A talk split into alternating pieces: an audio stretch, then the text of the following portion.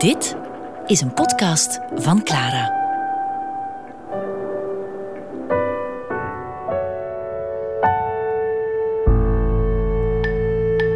Zeitgeist. Met Werner Trio.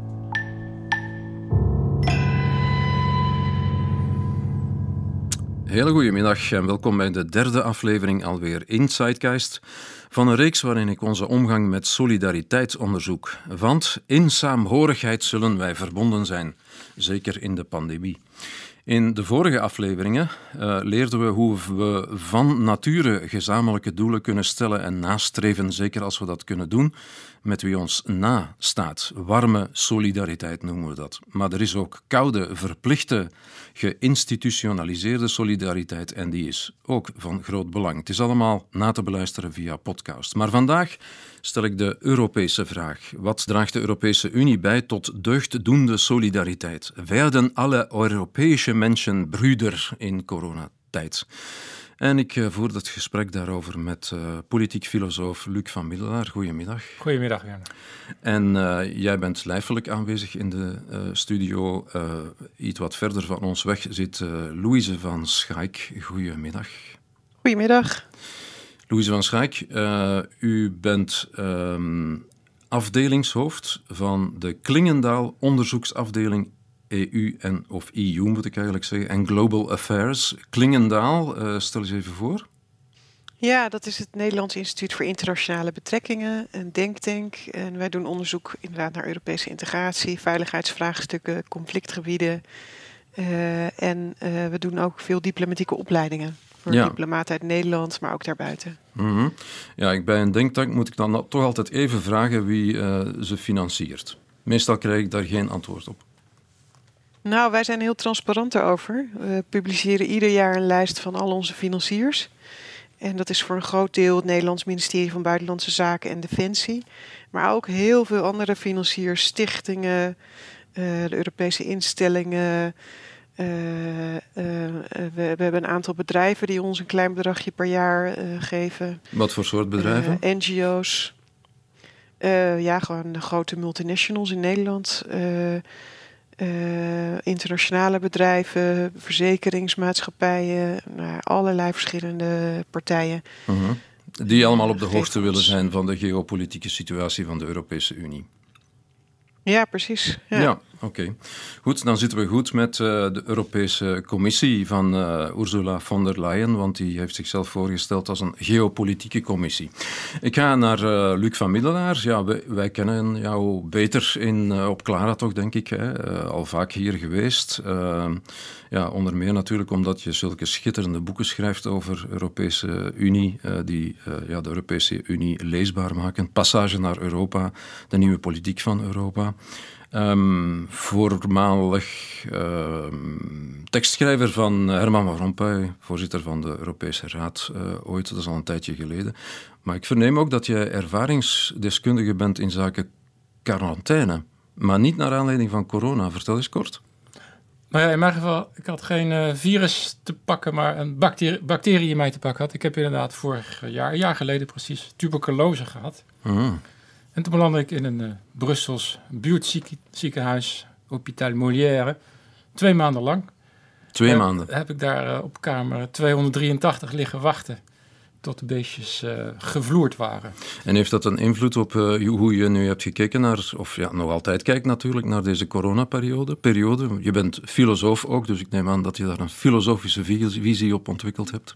Nou ja, op zo'n moment word je wel inderdaad meer bewust van, uh, van lichamelijke kwetsbaarheid. En in het begin van de coronacrisis uh, merkte ik wel dat ik uh, ja, wat gevoeliger was voor de gezondheidsargumenten in het maatschappelijke debat. Ja. Meer misschien dan voor de economische argumenten. Maar wat ook heel bijzonder was, is dat je in zo'n quarantaine, dat is een beetje wat wij nu ook hebben, met ons, onze tijdsbeleving, we weten niet hoe lang het nog gaat duren. We weten niet wanneer er een vaccin komt dat ons zal verlossen, om zo maar te zeggen. Mm En in mijn geval uh, wist ik ook niet hoe lang het zou duren. Dus uh, men, uh, ik ging daar in september in en na een paar weken zei de dokter, nou ja, misschien ben je hier met kerstmis nog.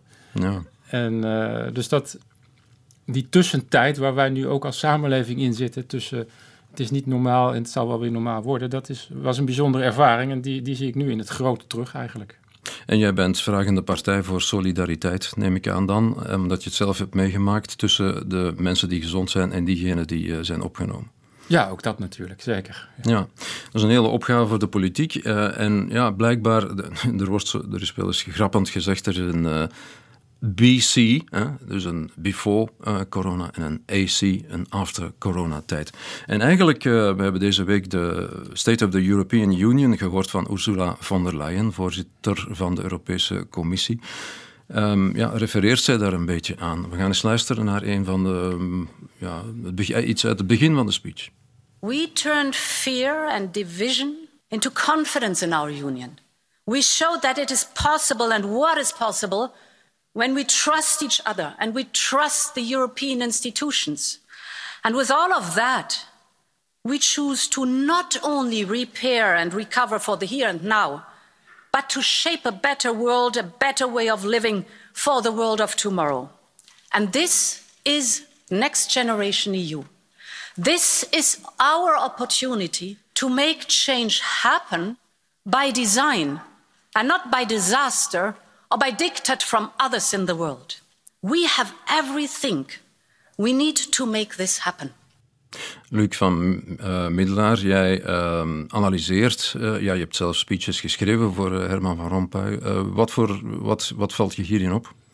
Nou, deze passage is inderdaad tamelijk hoogdravend toch wel. heel optimistisch. Maar inderdaad, ik kijk ook in zekere zin als vakman of ex-vakman naar zo'n toespraak. Die was over het algemeen uh, heel uh, solide.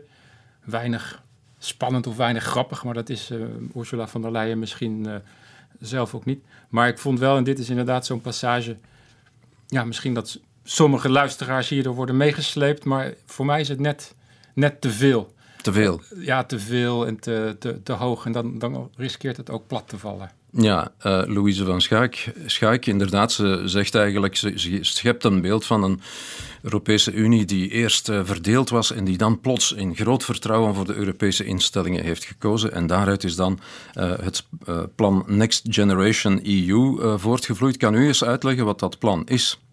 Ja, het klinkt mooi. Ja. nou ja, dus, dus wat, er, wat er is gebeurd natuurlijk in de coronacrisis is dat landen economisch enorm in de problemen zijn gekomen en om hulp gingen roepen.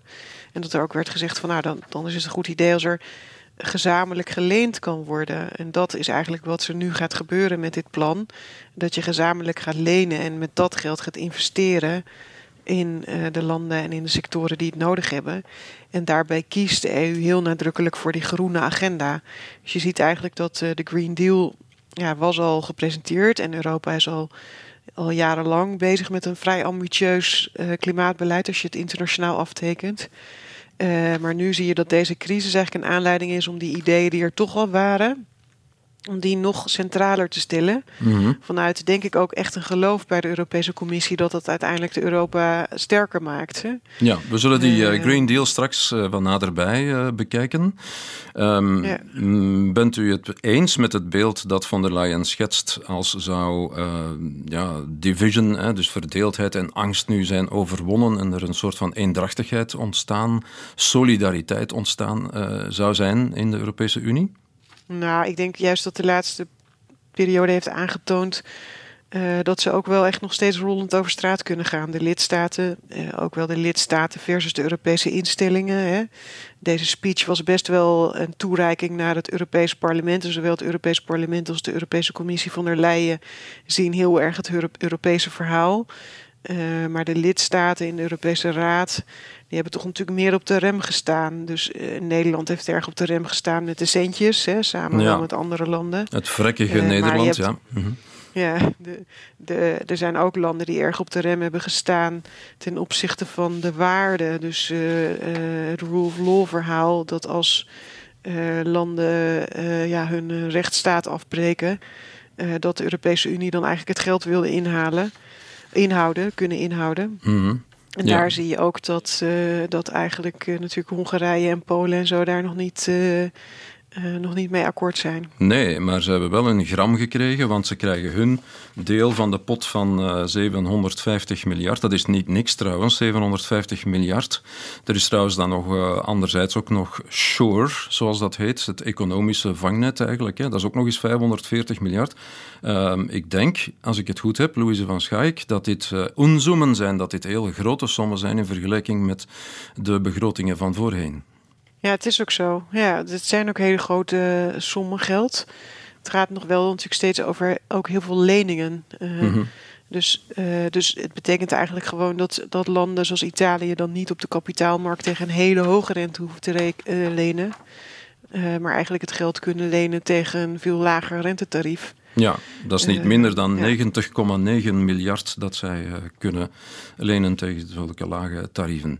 Um, um, Luc van Middelaar, uh, om het nu filosofisch een beetje te duiden, of met de termen die jij hebt gebruikt in boeken zoals De Nieuwe Politiek van Europa. Dit is een voorbeeld van, ik denk dat je dat mag noemen, gebeurtenissenpolitiek. Jazeker, dat denk ik ook. De, maar dan moet je dat nog even uitleggen. Nou ja, in die zin dat de Europese Unie werd overvallen door een, een grote schok. Er gebeurde iets wat niemand had voorzien. Misschien lag hier en daar een scenario klaar bij een, uh, op een ministerie in een la of, of, bij een denktank inderdaad. Maar dat we nog door eens een pandemie zouden kunnen over, worden overvallen, zoals de Spaanse griep in 1919, daar hadden wij in Europa althans geen rekening mee meegehouden. Wacht, ik had eerst even vragen aan Louise van Schaik. Hadden jullie rekening gehouden met het feit dat er zo'n pandemie op, op de Europese Unie zou kunnen afkomen? Of hadden jullie het ook niet zien aankomen? Ja, toevallig heeft Klingendaal bijgedragen aan één studie waarin dit wel als scenario was uitgewerkt. Hmm. Uh, en uh, je ziet wel dat toch in gezondheidscirkels het wel uh, als mogelijkheid werd gezien. Hmm. Maar eigenlijk de, de, de, de impact van als zoiets gebeurt en hoe, hoe veelomvattend en ingrijpend het is, is een beetje is natuurlijk echt groot onderschat. En ook begreep ik dat er meer rekening werd gehouden met een griepvirus. Dus niet per se met een coronavirus. Dit is toch wel een beetje een soort nieuwe ziekte. Ja. Uh, mm -hmm. Dus dat, dat is ook. Uh, dus wat dat betreft is het wel echt een, een black swan, zoals ze dat noemen. In de ja, scenario-wereld. Een, een zwarte zwaan, inderdaad. Ja. Gebeurtenissenpolitiek ja. dus. Uh, ik ja, had je dus even als, onderbroken, als, sorry. Ja, geen probleem. ja. dus als, als zoiets gebeurt, als een zwarte zwaan ineens opvliegt dan moet de Europese Unie iets doen waar ze oorspronkelijk niet zo goed voor is uitgerust. Namelijk improviseren, uh, dingen uitproberen, uh, oplossingen verzinnen in het moment zelf. En ik zeg dat de Europese Unie daar oorspronkelijk niet zo goed voor is toegerust, omdat ze natuurlijk is gebouwd echt als een markt, een, uh, een hele set economische regels voor vrij verkeer van producten, personen enzovoort. En dat zijn allemaal dingen waar je heel rustig en zorgvuldig over kunt vergaderen tussen lidstaten met instellingen, afspraken maken. Zoals we vroeger de Europese Unie zagen als een grote bureaucratie. Zoals een bureaucratie uh, ook doet, maar hè, dan ging het over de aardappelprijzen of de btw-tarieven en daar kon uh, rustig nachten of maandenlang over worden vergaderd. Terwijl met dit soort grote, acute schokken, in de eurocrisis hebben we dat meegemaakt, de vluchtelingencrisis en nu deze pandemie, dan moet er dus heel snel uh, groot, grote energie, uh, groot politiek gezag worden ontwikkeld om eigenlijk heel verruikende besluiten te nemen. Mm -hmm. En je ziet dus ook dat dat heel erg moeilijk is. En ik denk dat Ursula von der Leyen in haar toespraak uh, afgelopen woensdag toch iets te snel heen stapte over die moeilijkheden in het begin. Toen dat in februari, maart allemaal uh, gebeurde. Toen er onvoldoende uh, mondmaskers waren, uh, onvoldoende beademingsapparatuur enzovoort. Toen was er inderdaad echt een moment van elk land voor zich. Hè? Mm -hmm. Als je het dan over solidariteit hebt, die was er op dat moment niet. En het is met der tijd dan wel gelukt om dat gevoel uh, dat we daar ook samen als Europeanen voor staan wat meer gestalte te geven. Maar dan toch meer op het economische vlak zou je kunnen zeggen. Met die Next Generation EU. Ja, of, of nog zo'n term. Uh, in, ja, meer dan op coronafonds wordt het ook wel eens genoemd. Ja, dat klinkt wat makkelijker inderdaad. Ja. Het corona-herstelfonds mm -hmm. uh, dan, dan op het vlak van gezondheid. Ja, ja ze had ik- het trouwens in die speech ook wel over een European Health Union, maar dat was denk ik een ballonnetje, hè? zo heb ik het ook begrepen. Dat ja, niet- een, ballonnetje wel, Ja. of een, voor een, een applauslijntje voor in, Een het in Europees Parlement. Maar wat voor Ja, mij ja. eigenlijk de grote verandering is geweest. Ik denk dat eh Louise iets wil zeggen, maar ja, zij zit op afstand, dus ik ga even u het woord geven, Louise. ik heb dat dus ook echt opgemerkt dat over het Europese gezondheidsbeleid. Ja. En ik, ik volg dat al iets langer. Ik ben daar ook nu iets over aan het schrijven. Mhm. En eh, ik heb wel, iets, wel het idee dat daar iets borrelt. Eh, Ja? Alleen ik vind het ook heel lastig om op dit moment, laat maar zeggen, te zien van wat is dat dan een Europees gezondheidsbeleid? Want de lidstaten hebben natuurlijk hun eigen ziekenhuissystemen. Nou, het systeem in België is al heel anders dan bijvoorbeeld het systeem in Nederland. Ook Mhm. de financiering is heel anders. Eh, maar maar dus, dus ik, ik vind het nog best wel lastig om voor te stellen hoe je daar een Europeanisering kan zien en ook wat daar meerwaarde daarvan is. Eh, maar ik zie inderdaad wel dat er eh, steun is vanuit Duitsland, Frankrijk voor ideeën in deze hoek. En dat er ook inderdaad heel veel Europarlementariërs hier erg bovenop zitten. Mhm. Ehm, en dat ze ook wel aangeeft van we gaan, we gaan dat ECDC, ECDC, eh, dus laat maar zeggen, de Mark, Mark van Ramst is dat geloof ik in Vlaanderen. Dus de instituten van de Nationale Gezondheidsinstituten gaan we toch misschien iets meer in een netwerk bundelen onder een Europees eh, eh, Ja, ja. Center for Disease Control. Eh, Mhm. Dus ik, en, en ze zei ook dat het misschien op dit onderwerp aanleiding kan zijn voor competentiesverandering. Dus eigenlijk een ver- verandering van de Europese verdragen. Ja. Met die conferentie over de toekomst van Europa, waar je eigenlijk ook niet zo heel veel voor over hoort, maar wat toch wel een soort van langzaam een beetje Ja. wordt voorgekookt. Ja, dat is voor volgend Eh, jaar. dus het Europees. Parlement. Ja, dat is voor volgend jaar die conferentie. Het Europees Parlement was daar vragende partij voor. Eh, hoe kijk jij tegen die conferentie aan, Luc van Middelaar? Is het trouwens, als, je het, eh, als we het hebben over dat het, het veranderen van verdragen. We hebben bijvoorbeeld gezien dat dit, eh, ik zal nu maar coronafonds hè, zeggen, dat dit buiten de verdragen is gebeurd natuurlijk. Hè. Dit is geen vast mechanisme, dit is een crisismechanisme waarin veel geld wordt gepompt in een soort, ja, mag ik het een Marshallplannetje noemen? Ja, zo ma- mag je het ook noemen, Ja. Werner. Het is inderdaad een eenmalige eh, actie. Zo is het in elk geval eh, door Angela Merkel opgezet. En ik zou toch even terug willen naar, naar Merkels belangrijke eh, Ja. rol in de hele eh, afgelopen zes maanden eigenlijk. In, in wat er nu allemaal in de Europese Unie is verschoven. Ursula von der Leyen die geeft daar een uitwerking aan. Er zal inderdaad gesproken worden over bevoegdheden, over nieuwe beleidsterreinen. Maar zijn, ten gronde is vriendinnen trouwens. Hè? ja, Zo, het, zijn- ja. het waren redelijk dikke vriendinnen. Zij was, eh, ja, ik geloof, acht jaar lang of, of, of meer van der Leyen minister van Merkel. Eerst van Sociale Zaken, later van eh, Defensie natuurlijk. Zelfde partij ook. Zelfde partij. En dat is ook eh, nog wel voor een, voor een stuk te merken, maar daar kunnen we misschien straks nog over hebben. Maar wat ik wil zeggen, voor mij de grootste verandering in, in deze crisis, als je die vergelijkt ook met de, de eurocrisis van, van, van acht, tien jaar geleden, dan, is dat er, dan gaat dat precies over solidariteit. Mhm. En dan is er, net als in, deze, in die crisis toen, is er een botsing eigenlijk tussen een verhaal eh, over eh, discipline. Elk land is verantwoordelijk voor zijn eigen gezondheidssysteem, zijn eigen financiën. Versus een verhaal, zou je kunnen zeggen, over solidariteit, lotsverbondenheid. We moeten het samen doen, samen staan we sterk. Mhm. Het, is ook En- iets, het geeft iets meer herkenbaarheid, want iedereen wordt natuurlijk getroffen, ook in zijn gezondheidssystemen. Ook al is het ene sterker dan het andere, toch hebben we allemaal het gevoel gehad overspoeld te zijn geweest. Nou ja, dat is een van de, de grote verschillen. En er waren Ja. een aantal landen, zoals eh, eh, Nederland en het clubje eh, zuinige landen, Mhm. Die dachten, nou, dit is gewoon hetzelfde als tien jaar geleden. Eh, Noord botst op Zuid en dan komen we ergens uit. Maar die hadden dus onderschat, en Angela Merkel heeft dat niet onderschat, dat deze pandemie inderdaad een heel ander soort eh, crisis is. Omdat die iedereen raakt. Omdat je niet eh, kunt zeggen, Italië heeft de schuld aan het virus. Zoals je misschien eh, wel kon zeggen ooit van Griekenland dat het schuld had aan een begrotingstekort van 15%. En dat betekent dus dat in die in die botsing van twee verhalen, van een discipline bezuinigingsverhaal versus een, een, een solidariteit samen doen verhaal, dat dat disciplineverhaal het gewoon retorisch volkomen heeft afgelegd tegen dat, die solidariteitsvertelling. Die heeft als het ware gewonnen. En Merkel heeft dat... Na, na hevig protest van de Italianen ook. hè? Ja, dat heeft zich dus ook in de. Dat vind ik eh, ja, echt fascinerend. Dat heeft zich ook in de, een Europese publieke ruimte afgespeeld. Hè. Er waren op een gegeven moment eh, in maart, begin april Italiaanse politici, burgemeesters die ingezonde brieven stuurden in Duitse kranten. Eh, interviews eh, die eh, Giuseppe Conte, de eerste de minister-president, gaf aan, op de Duitse televisie. Dus dat die, die noodroep van politici en diplomaten ons land sterft, zoals Mhm. die klonk Ja. in maart vanuit Italië, vanuit Spanje, die heeft Merkel eh, gehoord. En daarom heeft zij iets gedaan wat een paar maanden daarvoor onvoorstelbaar was. Hè? Die stap zetten van we, we stellen de commissie in staat om miljarden megasommen te lenen op de financiële markten. En dat gaan we bovendien in- in, de, in, de, in de vorm van, van transfers van giften. Ja, daarbij ging ze in tegen haar eigen grondwettelijk hof, hè, dat eh, Frankfurt, dat zo sterk staat en zo'n groot eh, moreel gezag heeft in Duitsland. Dat is wel straf. Exact. En Kan ze ze deed dat- misschien alleen omdat ze einde eh, mandaat is.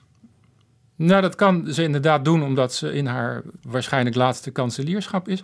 Maar ze kan dat ook doen omdat er ook, je zou kunnen zeggen, onder de radar in Duitsland eh, wel wat is veranderd. Er zijn, ehm, in vergelijking met tien jaar geleden, is er ook in zekere zin een jongere generatie opgerukt in de journalistiek, eh, in de economische eh, gezaghebbende functies, in ministeries. Hè. Er zijn nu veel meer Duitse economen die in de VS of in, in, in Engeland hebben gestudeerd. En die zijn dus niet allemaal meer gepokt en gemazeld in dat Duitse disciplinedenken of het ordoliberalisme, zoals dat heet. Maar die hebben wat meer gevoel voor, eh, voor het Keynesianisme en voor, voor andere. eh, en dat, dat heeft ook, eh, ik denk dat Merkel ook dat heeft aangevoeld. Dat betekent dat er dus veel minder weerstand is vanuit Karlsruhe inderdaad, het Hof, of vanuit Frankfurt, vanuit de Duitse bank, centrale bank, tegen deze eh, eh, zetten die nu worden gedaan. Ja, Ehm, ja eh, Louise van Schaik. Ehm, Merkel is in feite de ongekroonde leider van de Europese Unie. Vraagteken.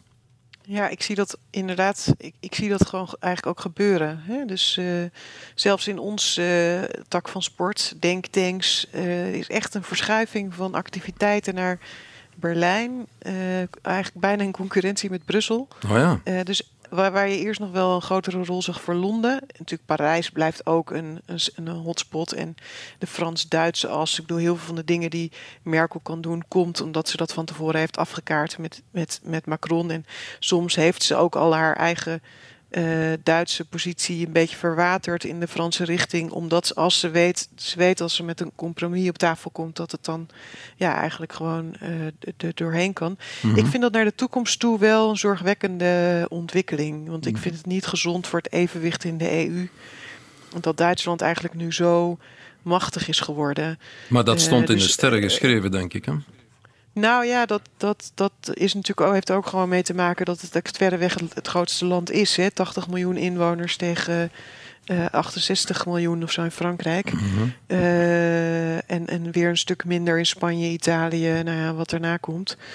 Maar uiteindelijk zijn het wel 27 landen. Eh, en eh, ja, dan, dan is het toch niet goed als één land eh, zo'n stempel kan drukken en zoveel invloed kan uitoefenen op heel veel onderwerpen. Ja. En ik zie ook Ik- wel dat andere landen dan misschien een beetje afhaken op sommige onderwerpen. Omdat ze dan toch eigenlijk toch het gevoel hebben, denk ik, dat ze het niet meer echt kunnen beïnvloeden. Of dat ze misschien niet echt een positie hoeven in te nemen over eh, hoe gaan we om met China of hoe.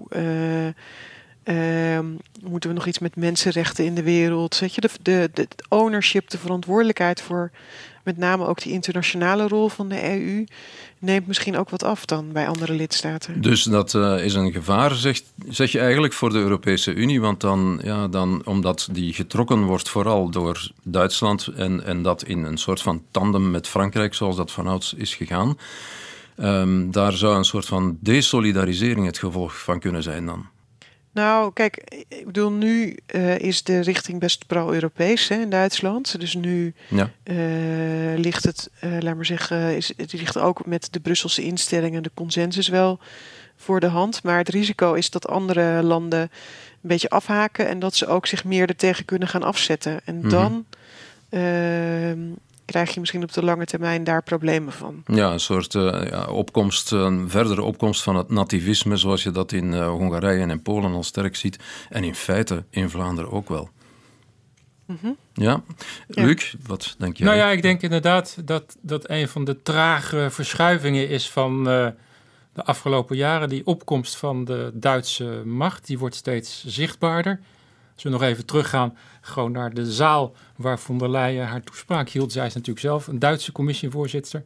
Maar ook de eerste fractievoorzitters in het parlement die spraken. Dan heb je eerst Manfred Weber van de Europese Volkspartij. Nou, die komt uit Beieren.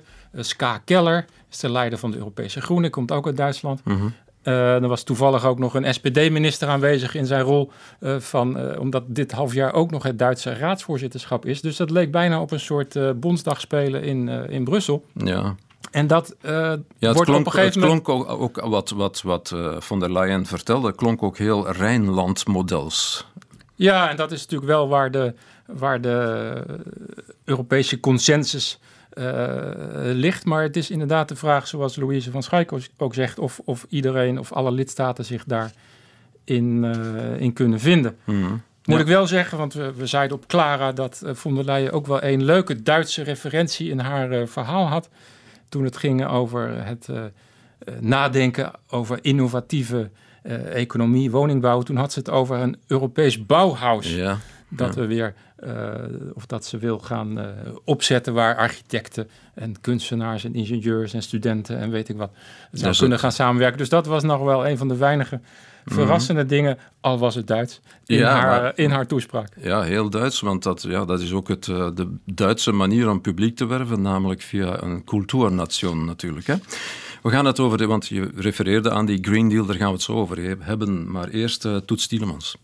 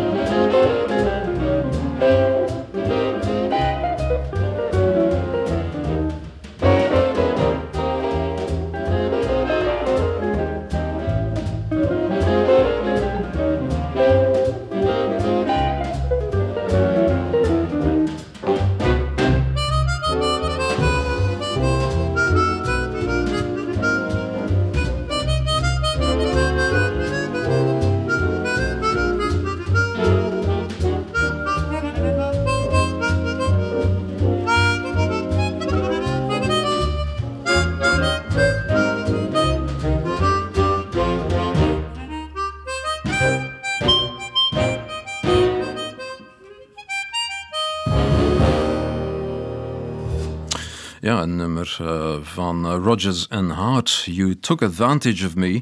Dat is uh, volstrekt niet solidair, zoiets doen natuurlijk. We worden Toets Tielemans en vrienden.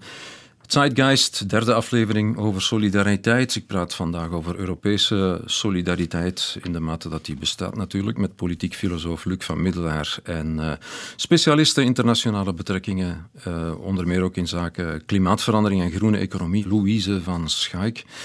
Ehm, en we hebben eigenlijk een beetje als uh, leidraad de speech die Ursula von der Leyen, voorzitter van de Europese Commissie, deze week heeft gehouden, de State of the European Union uh, speech. Um, Louise van Schaik, hoe belangrijk is die figuur van de voorzitter van de Europese Commissie eigenlijk?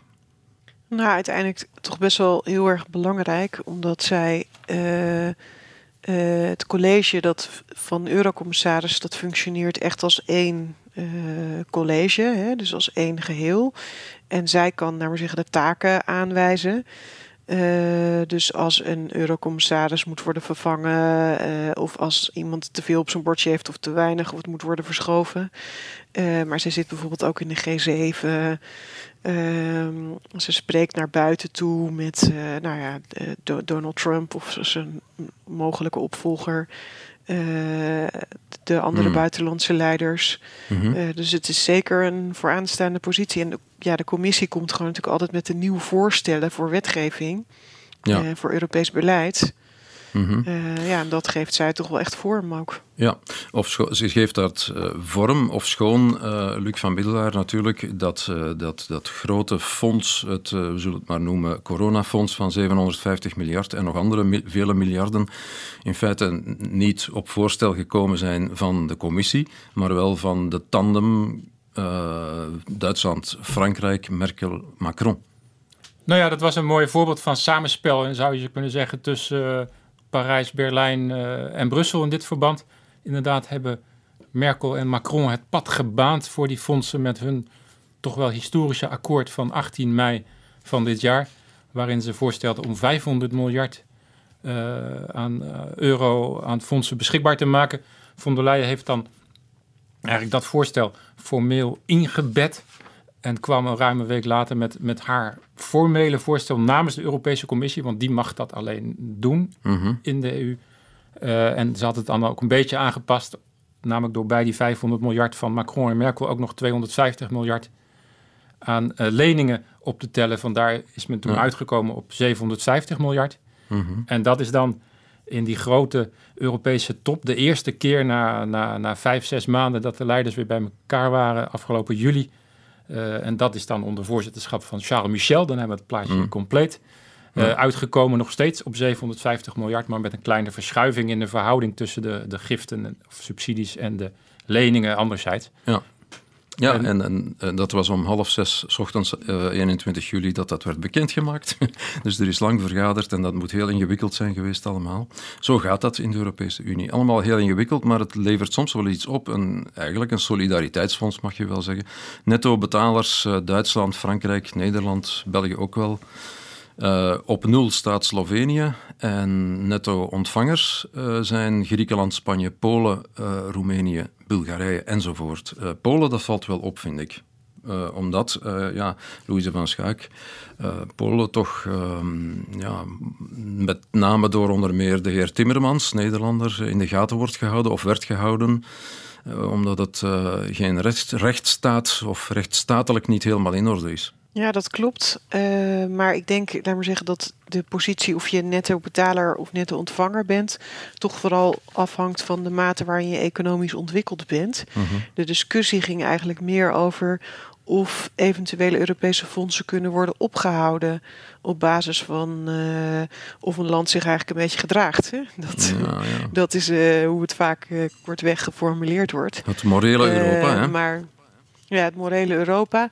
Maar of ja, hoeveel eh, een land in principe heeft aan trekkingsrechten, hangt meer van de economische ontwikkeling af. En Polen moest juist ook een beetje worden extra worden gecompenseerd of omgekocht, if you like. Hm. Omdat zij eigenlijk de notoire dwarsligger zijn op dat klimaatdossier. Eh, dus, want zij zeggen van wij hebben nog heel veel eh, vervuilende kolenindustrie.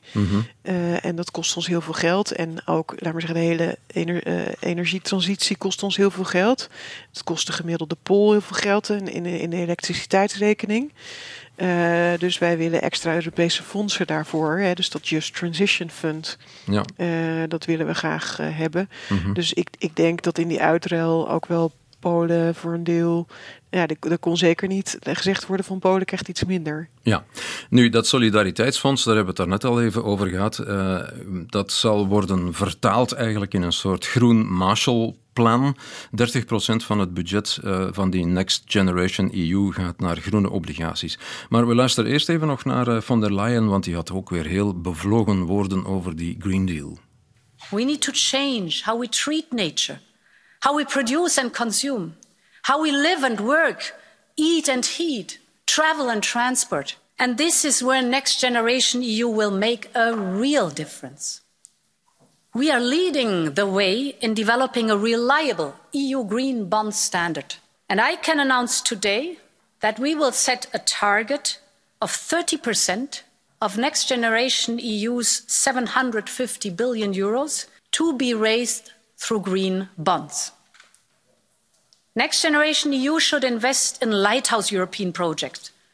Two weeks ago in Sweden, a unique fossil free steel pilot began test operations. It will replace coal with hydrogen to produce clean steel. I want Next Generation EU to create new European hydrogen valleys, to modernize our industries, to power our vehicles, and to bring new life to our rural areas.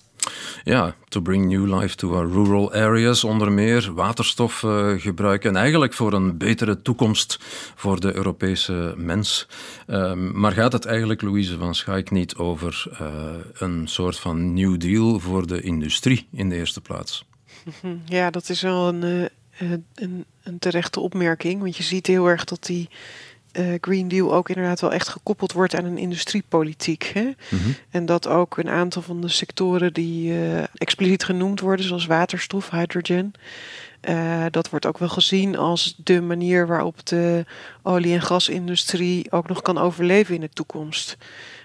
want het verdienmodel van waterstof, dat lijkt veel meer, en, en de, de, de business as such lijkt veel meer op, op wat zij doen op dit moment dan bijvoorbeeld de wind- en zonne-industrie. dus bijvoorbeeld, ik, uh, ik, geef een voorbeeld. Uh, Exxon bijvoorbeeld kan waterstof uh, gemakkelijk gaan produceren, zoiets. Ja, het lijkt er meer op. Je hebt hmm. ook pijpleidingen, je hebt ook een hele infrastructuur nodig. Ja. Dus zullen de winstmarges ook vergelijkbaar kunnen zijn. Hè? Want mm -hmm. het is mhm. gebaseerd op grote investeringen. Ehm, maar goed, dat gezegd hebben, dan weten we ook dat we voor de energietransitie eigenlijk alles wel nodig hebben om het überhaupt voor elkaar te krijgen. Want het is zo'n gigantische uitdaging om uh, weg te gaan van fossiel.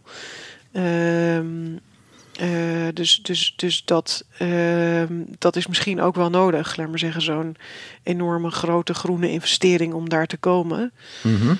uh, ja, ik ga naar Luc van Miller, want ik herinner mij dat ik een tijdje geleden een stuk van jou heb gelezen waarin je uh, het had over pas op voor de groene garde, herinner ik mij geloof ik.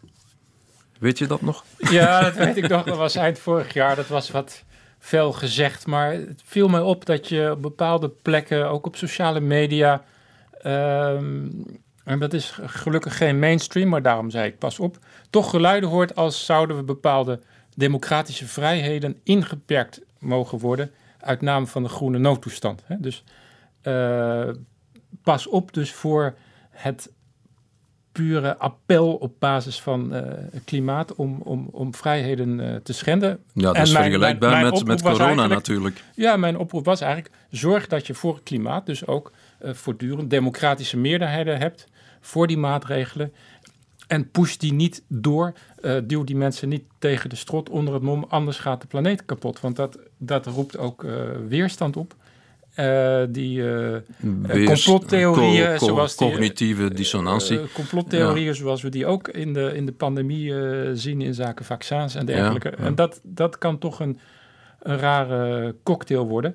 Dus je ziet wel wat in deze Green Deal die via de, via de economie gaat en op die manier, let, let's say, win-win oplevert. Nou ja, ik denk dat de Europese Commissie toch heel goed probeert om een soort middenkoers te voeren tussen aan de ene kant de milieulobby die nog veel verder wil gaan en die ook uh, al in 2030, dat is het eerste tussenstapje op weg naar een klimaatneutraal Europa in 2050, uh, 65% minder CO2 zou willen hebben. En dat hebben von der Leyen en haar team, waaronder Frans Timmermans, die daar als eerste vicevoorzitter over het klimaat gaat, op 55% gezet. Nou, mhm. voor sommige landen is dat nog steeds te veel, waaronder Polen, waar Louise het net over had. En voor andere landen is dat ongeveer aan de maat. Dus de Europese Commissie zoekt wel naar draagvlak. Dat lijkt me, het lijkt me verstandig. Uh, om, om toch zoveel mogelijk eh, landen en, en, en sectoren daarin mee te nemen. Mm Ja, uh, von der Leyen die had het over het feit dat, uh, ja, dat Europa, de Europese Unie, daar wereldleider moet worden. Hè. Dat is trouwens iets wat al een hele tijd circuleert, mevrouw Van Schaik. Ehm, dat be betekent wel dat als we handel drijven uh, over de hele wereld, handel met de Verenigde Staten, met China, met India, die allemaal uh, Parijs niet hebben ondertekend, dat we daar uh, een grensbelasting zullen moeten gaan heffen. En ja, dat zou wel eens kunnen leiden tot, er is al zoveel, een, een, een grote handelsoorlog aan de gang tussen de Verenigde Staten en China. Er kan er dan nog eentje bij komen. Ja, nou, dit is inderdaad precies een ontzettend belangrijke ontwikkeling die nu gaande is.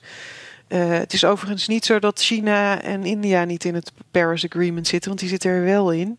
En met name China, die doet ook eigenlijk best wel veel. Dus dat gaat politiek ook nog wel de vraag zijn of we dat kunnen maken. Of je een, een, eh, een carbon tax aan de grens kunt instellen, koolstofheffing. En, je, en of je dan ook landen die wel meedoen aan, uh, aan, aan het Parijsakkoord, of je die ook kunt belasten. Ik heb mij inderdaad vergist. Uh, China um, dat heeft wel ondertekend, maar rekent zelfs geen koolstofprijzen door in zijn eigen producten. Daarom zou er dus ook een grenswerving moeten komen. Hè? Ja, daar zit de pijn. Ja. En wat ook nog heel erg opmerkelijk is, is dat ook in die top in juli is afgesproken dat de inkomsten uit die grensheffing, dat worden eigen inkomsten voor Brussel, voor de Europese Unie. Mhm. Dus normaal gesproken wordt de Europese Unie gefinancierd door afdrachten van de lidstaten. Maar nu komen er twee eigen inkomstenbronnen.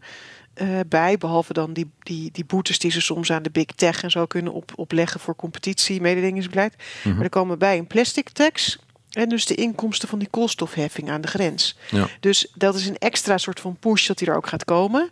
Er is inderdaad ook wederom weer steun vanuit Duitsland, waar we het net al over hadden. Mm dus, dus, dus die koolstofheffing gaat er komen. Er komt in januari een voorstel. Uh, nou, dat is natuurlijk heel goed getimed, want dan weten we denk ik toch wel wie er in het Witte Huis komt. Uh, want 3 november zijn de verkiezingen in Amerika.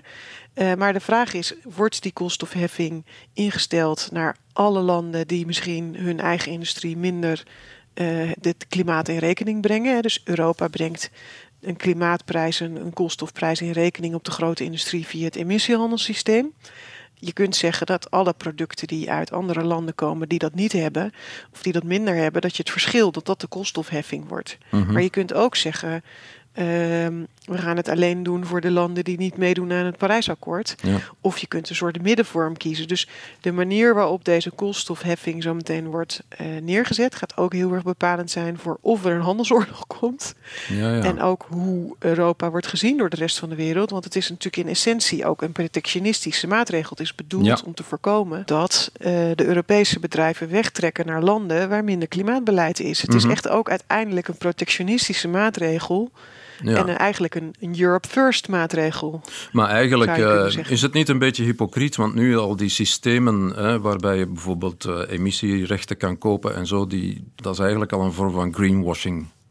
Nou, dat weet ik niet. Het is uiteindelijk wel een cap gezet op industrie en die gaat uiteindelijk omlaag. Hmm. Alleen in eerste instantie hebben landen veel te veel rechten weggegeven aan de industrie.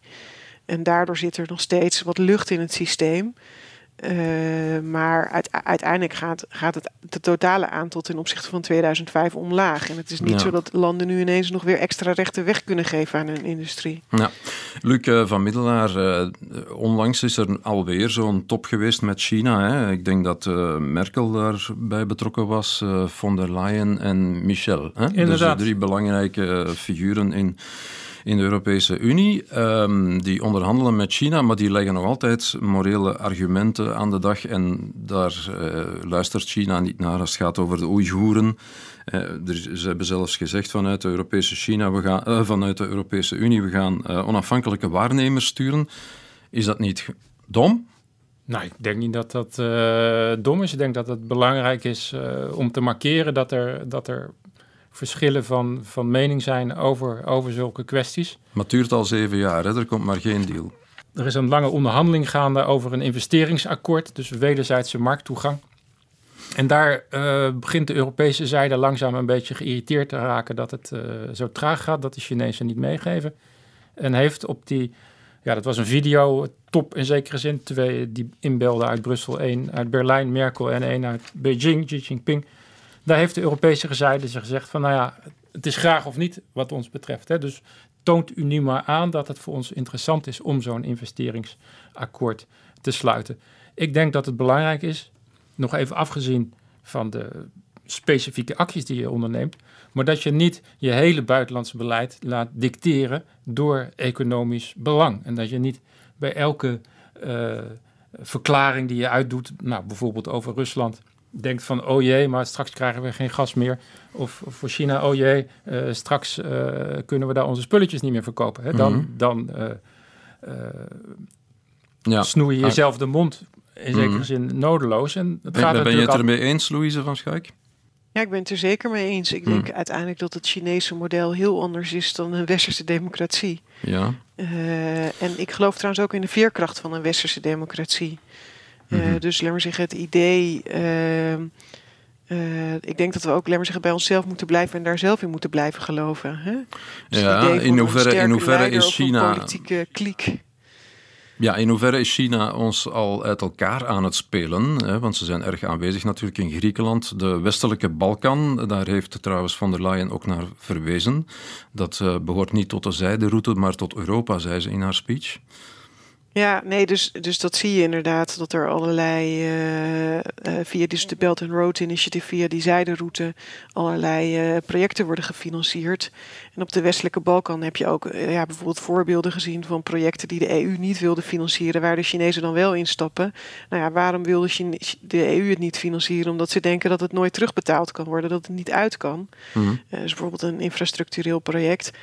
Uh, en ja, dat de Chinezen er dan wel in stappen, dat werpt wel de vraag op van waarom doen ze dat dan wel? Is het dan omdat ze het fijn vinden als een land de schuld aan hen heeft, omdat ze dat dan ook misschien politiek kunnen benutten of omdat ze dan de banden kunnen aanhalen? Wel, ja. Dus dat, ja, dat roept wel dat soort vragen op. Mm -hmm. uh, uh, en dat is denk ik wel iets, zeker in onze directe achtertuin de Balkan, uh, waar we ons wel zorgen over kunnen maken. Ja. ja dus maar ik denk het... dat het bewustzijn op zich uh, wel groeit, ook in een aantal Europese hoofdsteden, over die verdeel- en heerspolitiek van Chinese zijde.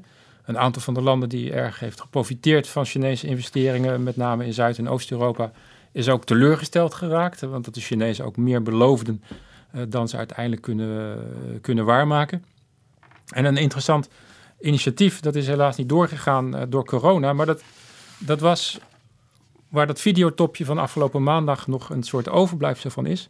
Want Angela Merkel had namelijk het idee om alle 27 Europese regeringsleiders samen uh, te brengen voor een treffen met Xi Jinping. En dat ja. had afgelopen maandag 14 september dat moest de plaatsvinden. Kroon, kroon in, op haar werk zijn. In Leipzig, hè, dat was de kroon op haar zes ja. maanden voorzitterschap. In zekere zin ook ja, Duitsland dat zich dus ook in die zin manifesteert als Europese leider. We hadden het daar uh, eerder over. Maar ook dus die Europese eenheid naar buiten toe uh, vormgeeft richting uh, China, Beijing. ook richting Washington wellicht. Dus wat dat betreft is het, is het jammer dat, dat de pandemie die boel in het water heeft doen vallen. Ja. Maar het geeft wel aan dat, dat het besef groeit mm -hmm. dat die eenheid noodzakelijk is. Ja, uh, Luc van Middelaar, Louise van Schaik, ik had nog heel veel dingen willen bespreken, maar dat gaat niet meer. De tijd is uh, ongeveer uh, om. Ik ga nog één ding vragen. als jullie een cijfer moeten geven aan hoeveel solidariteit er nu eigenlijk bestaat binnen de Europese Unie, wat zouden jullie dan zeggen? Nou, dat zou niet een heel uh, hoog cijfer zijn, maar ook niet, ook niet een heel laag cijfer. Dus dat zou een beetje een, een, een saai cijfer zijn van, een, van een, 7 op 10 of zo. 7, oké. Okay. Ja, 6 of een 7, inderdaad. Hm. Dat ben ik helemaal met je eens, Luc. Hm. Ja. Moet, dat, moet dat beter? Ja, ja dat... ik denk dat dat wel nog iets beter kan, ja. ja. Hoeveel moet het worden? Nou, 7,5. nee, een 8 zou goed zijn. En uiteindelijk zijn het toch ook uh, de ontwikkelingen in de wereld om ons heen uh, China, Amerika, Rusland, uh, eh, Noord-Afrika die ons Europeanen uh, verder samen zullen drijven waarschijnlijk. Ja, oké. ik dank jullie beiden uh, voor jullie bijdrage. Volgende week, luisteraar, heb ik een gesprek met de Bulgaarse politoloog Ivan Krastev. Luc, jij kent hem? Zeker. Ja, vertel eens iets heel kort over Nou, dat is een heel grappige aardige en, en slimme man die veel weet over de verschillen ook tussen Oost- en West-Europa en dus ook daar heel boeiend over kan vertellen. Ja, moeten we solidair zijn met Shandor en Alicia, heb ik het genoemd. Dat is voor volgende week. Bedankt uh, voor jullie komst en tot volgende week, luisteraar. Ontdek ook onze andere podcasts via clara.be. Clara Podcast. Blijf verwonderd.